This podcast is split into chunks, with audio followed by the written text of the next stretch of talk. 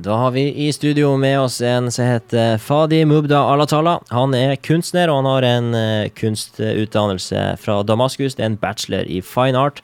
Han har bodd 21 år i Europa, og i Norge har han bodd siden 2004. Uh, han går på Vi snakker på engelsk, så vi bytter right over to English right now. And welcome, Fadi. Thank you very much.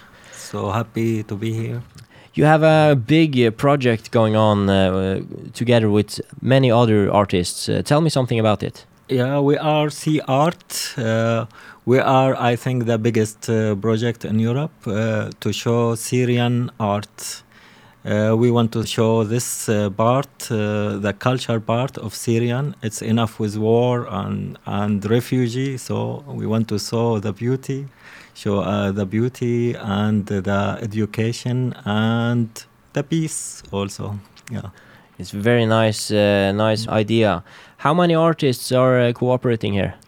Uh, we were more than uh, 23 but now we are 23 some some artists we sold everything for them so it was very good so and i have contact with a lot of uh, artists from middle east my friends and colleagues and uh, even professors. So I, I try to get uh, painting professional, all most of them like professional, high education professor or bachelor degree. So it will be very um, good, uh, high quality art. Why uh, why are you in Norway and uh, northern Norway to present this uh, art? I was living in Europe for a long time, and you know i was not care that much about middle east. I live in europe. I, my son he's uh, 15 years so yeah. But after what's happened in syria 10 years ago i i was traveling around in europe and i meet a lot of artists syrian artists and i told them how is the situation? And uh, probably you know what is the situation and I say, why you are painting and doing art? Say, because this is what we're doing, but they have no place to show now. So it was like three years ago, I decide this is, I think, my mission to help and found a place and the galleries to show our art. Also, to show this side, as I say, because I think the media focus only about bad side. We are also uh, we have a lot of art, culture, and we want to show you part of it. Yeah.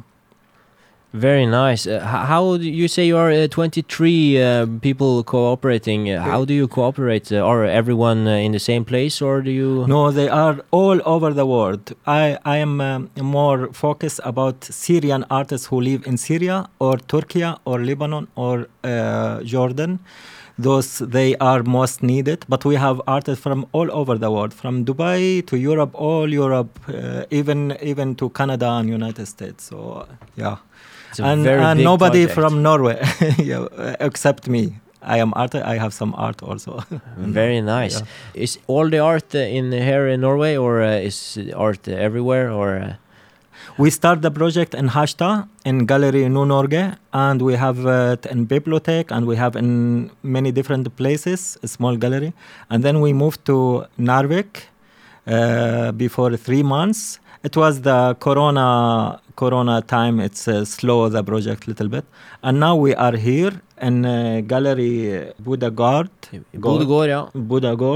Oh, we have uh, also painting in Bibliothek, uh, Storme, and we have in uh, also art and we have in other places now uh, you will find all the information soon about it i don't remember so it's yeah. a huge it's art everywhere project. yeah and uh, today uh, mm. this thursday uh, evening uh, you could see some of these art pieces uh, at gallery Bodøgård yeah that's right six o'clock until eight it's open we have 65 art pieces and uh, between uh, sculpture and painting and graphic uh, and other things also yeah is yeah. there a price fee to enter uh, no, no, I think it's a free enter. Yeah. Gratis arrangement klokka seks yeah. på Galleri Bodegård i dag, og du kan se masse flotte kunstverk. Mm. Så uh, tusen hjertelig takk til deg, Fadi. Thank you very much uh, for the meeting. Yeah. Så oppfordrer vi da alle våre lyttere til å ta turen eh, til Galleri Bodegård i dag klokka mellom seks og eh, klokka åtte.